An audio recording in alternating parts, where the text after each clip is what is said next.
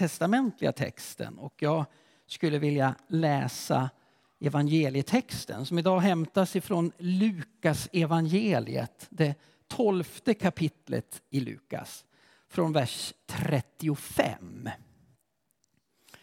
Det har varit några söndagar nu när jag har predikat, det har sagt att vi har läst bibeltexter som inte så många är familjära med. Och det här är, tänker jag, en av Jesu liknelser som inte är allra mest välbekant.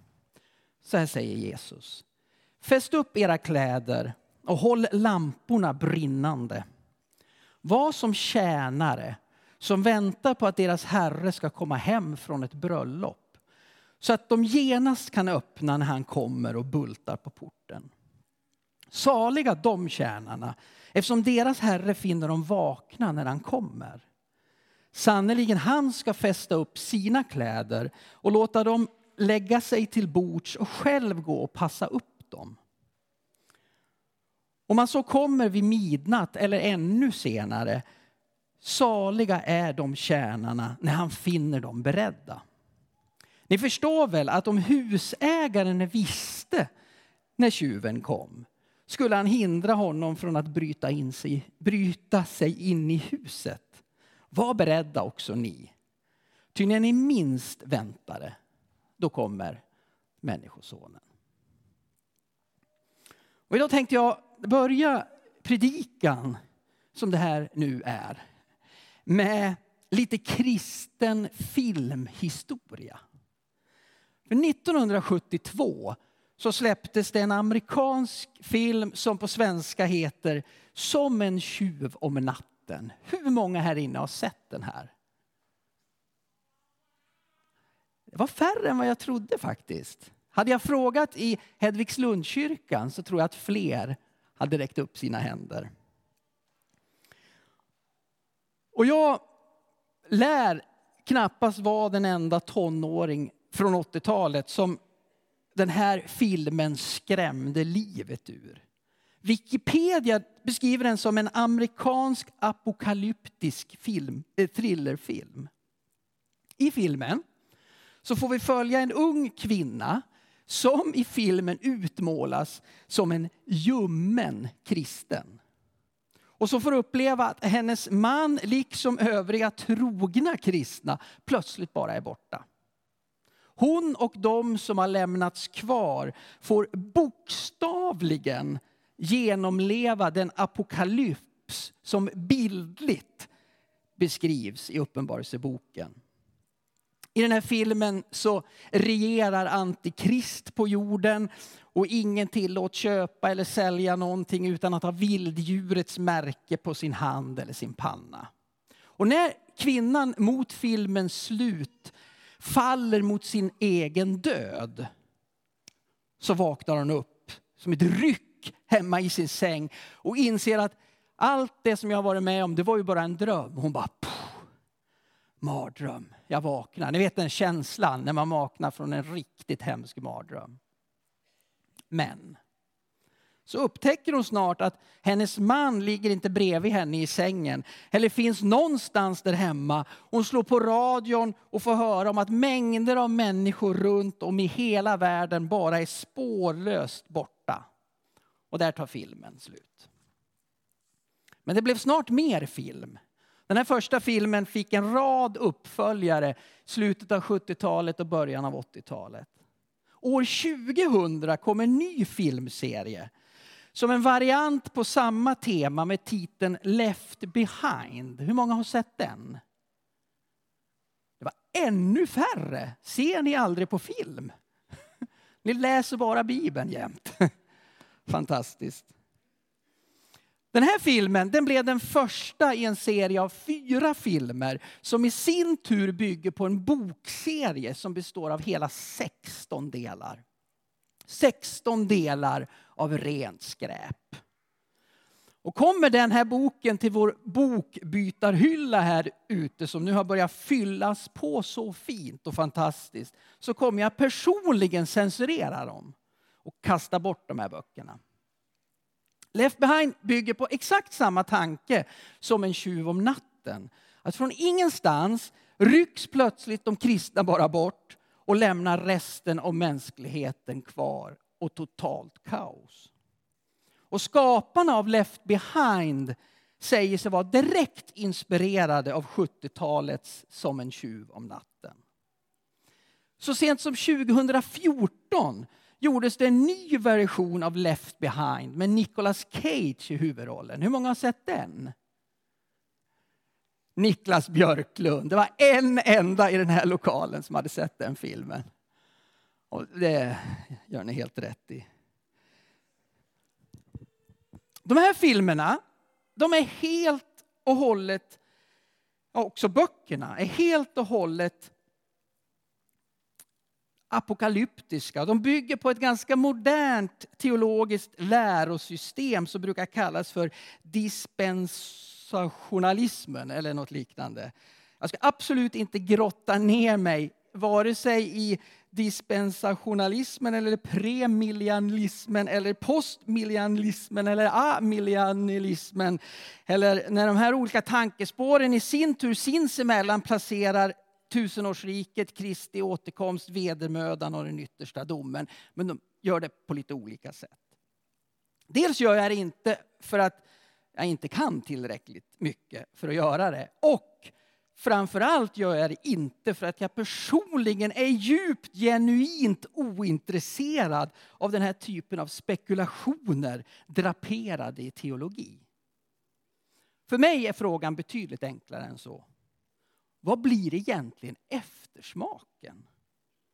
Vad bygger filmerna, eller den teologi som de representerar, egentligen på för bibelord? Och vad säger de egentligen om Jesus? Ja, för vem var egentligen Jesus? Vad stod egentligen Jesus för?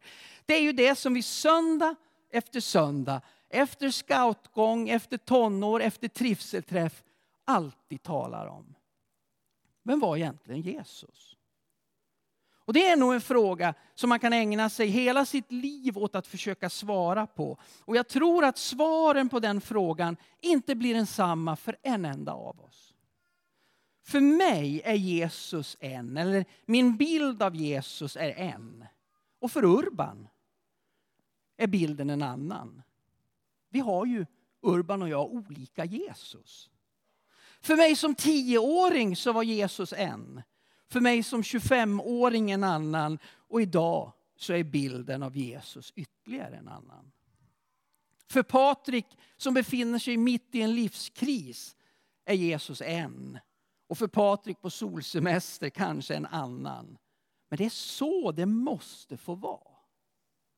Bilden av Jesus, eller betydelsen av Jesus, eller svaret på frågan vem var egentligen Jesus, den måste få variera. För så är det ju redan i Bibeln. De fyra evangelisterna ger delvis fyra olika bilder av vem Jesus egentligen var. Apostlagärningarna, Paulus i sina brev och Jakob och Petrus och Johannes och den okända författaren till Hebreerbrevet, de ägnar sig i stort sett helt och hållet åt att tolka vem Jesus egentligen var. Och de gör det med delvis olika svar. Det kan inte vara förvånande om tron på och personen Jesus beskrivs på olika sätt av olika personer. Och det ska inte förvåna oss eller skrämma oss om vår egen tro förändras. Den förändras med tiden, den förändras med erfarenhet, den förändras med upplevelser, den förändras med livskriser, den förändras med ny kunskap. När det som ska skrämma oss, det är om tron inte förändras. Om den 62-årige jag tror exakt samma som den 22-årige jag gjorde. Och som James Martin skriver i sin briljanta bok Söka och finna Gud i allt. Tänk så här. Du skulle aldrig anse dig rustad för livet om du hade en tredjeklassares kunskaper i matematik. Ändå förväntar sig många människor att den religiösa kunskap de fick sig till livs som barn också ska kunna bära dem in i vuxenvärlden. Ja, vem var Jesus? Och vad har det här nu med dagens tema att göra? Jo, en sak är uppenbar. Att mitt i allt annat som Jesus var, så var han också en eskatologisk predikant. Han talade påfallande ofta om den yttersta tiden. Om domen, om evigheten, om när Guds rike skulle bli allt över allt. Han talade ofta om vaksamhet och väntan. Och Urban var inne på det här, hur vi i kyrkåret just den här söndagen befinner oss mitt i egentligen en trilogi av söndagar på samma tema. Förra söndagen var temat vårt evighetshopp. Nästa söndag är temat Kristi återkomst. Och idag vaksamhet och väntan. Vi är på väg mot finalen i kyrkoåret som sen startar om första advent. Och ju äldre jag blir, desto bättre tycker jag om domsöndagen. Och jag blir mindre förtjust i första advent. Så var det inte förr. För de tre sista söndagarna, de ägnar sig alltså, alltså kyrkoåret ägnar sig åt det vi brukar kalla för eskatologi. Eskatologi, av grekiskans eskatos, som betyder ytterst eller sist. Och logos, som är lära. Alltså läran om den yttersta tiden, eller läran om de yttersta tingen. Och jag tror att kyrkoåret gör det. För att Jesus så ofta gör det. Här är vi. Och så har vi i vår gudstjänst läst åtminstone en tydlig, tydligt eskatologisk text. Där Jesus ger oss två olika bilder av hur det ska bli där på slutet. En gång när mänsklighetens historia som vi känner den tar slut. Hur ska det bli? Och Jesus berättar två liknelser. Första liknelsen handlar om två, eller några tjänare som trots att timmen är sen måste vara på alerten. De ska inte missa när deras herre kommer rumlande hem från en bröllopsfest. Och för medan mannen som äger huset är på ett bröllop så uppmanas tjänarna att hålla sina kläder uppfästa och ha lamporna brinnande. Och det här med att ha kläderna uppfästa. Ni vet att på den här tiden så hade man långa klänningsliknande kläder som säkert heter något jättefint på vanligt språk. Kyrkspråk brukar det kallas för en robe. Man hade den typen av kläder och då var de ju lätta att snubbla på.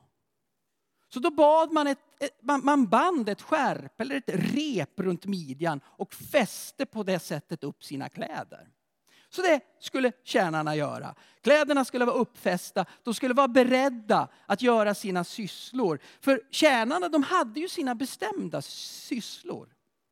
Sina bestämda uppgifter.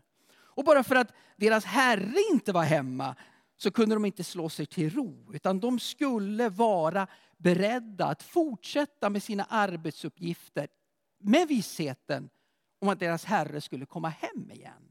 Hur sent? På natten, det visste de inte. Men någon gång skulle ju Herren komma. Den andra liknelsen den är bara ett par meningar lång. Och den handlar om en husägare. Det är rätt så många här som äger hus. Och en husägare som hela tiden måste vara på sin vakt eftersom denne inte vet om eller när en tjuv kan bryta sig in i huset. Det här är en orolig och det är en obekväm väntan och det är en obehaglig väntan. Ja, är Jesu återkomst ett hot eller ett löfte? Är Jesu ord om att han oväntat ska komma tillbaka något att skrämma upp förmodat ljumma kristna stackars själar med? Eller är det vårt stora triumfkort?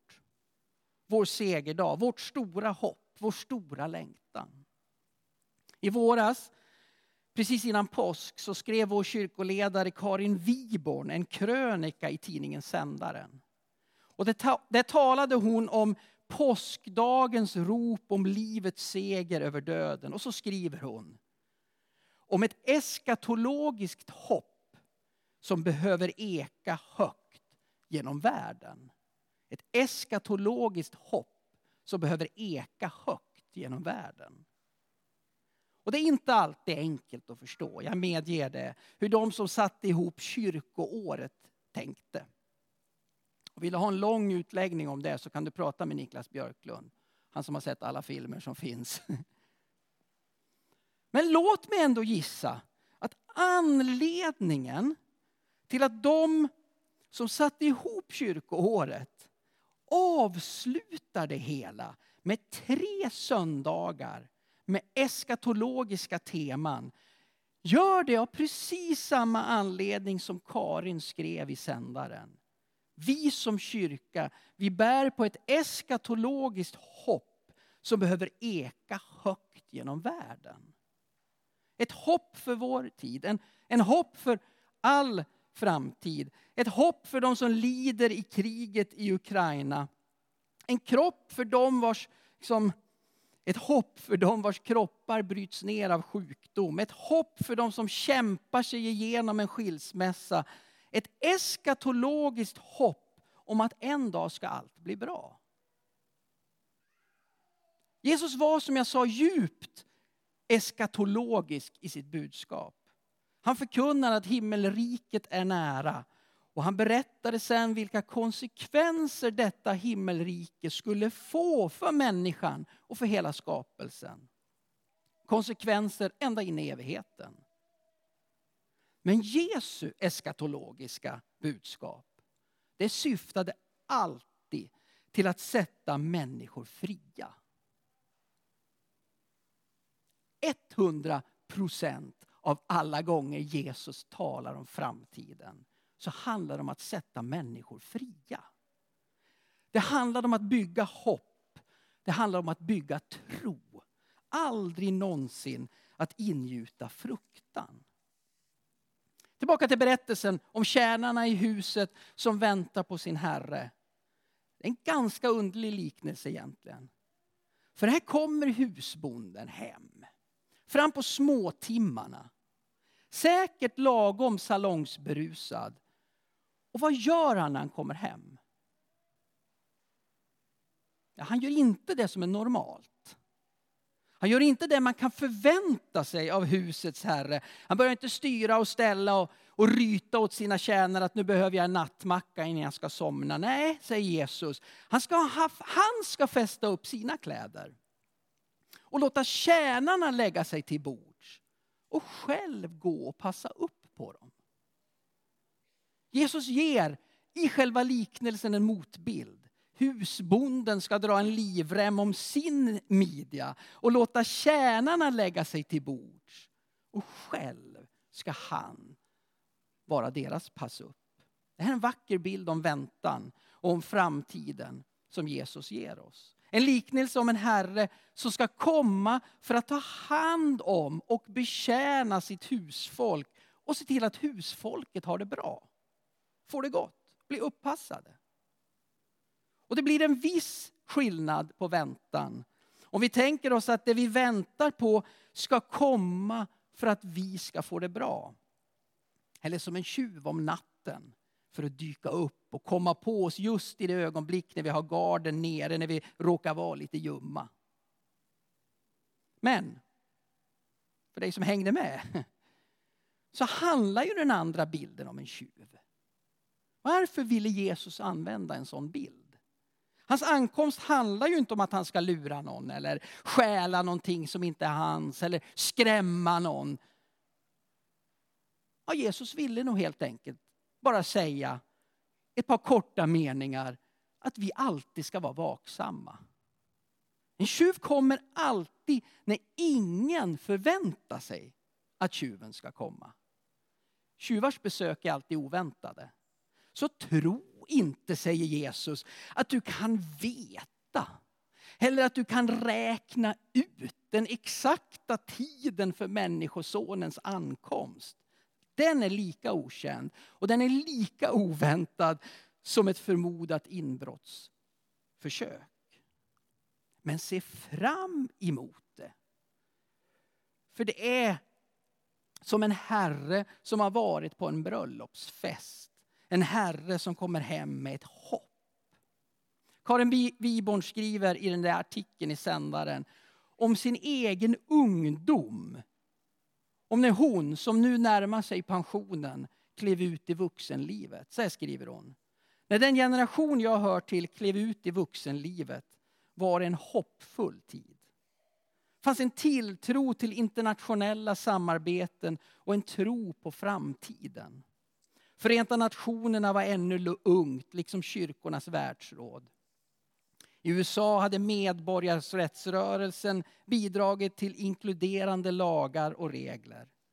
Berlinmuren föll. Nelson Mandela blev fri efter 27 år som politisk fånge. Det fanns ett hopp om en framtid och en tro på förändring. En tro på att förändring är möjlig genom god vilja och samverkan. Broar istället för murar. Just nu när vi sitter här och firar gudstjänst så pågår FNs klimatkonferens, COP 27 i Sharm el-Sheikh i Egypten. Och där är flera av världens politiska ledare samlade för att försöka komma överens om åtgärder som kan rädda vår värld från en klimatkollaps. Och jag måste säga att jag har lite tro på att de, eller några andra politiker, politiker kommer att lyckas.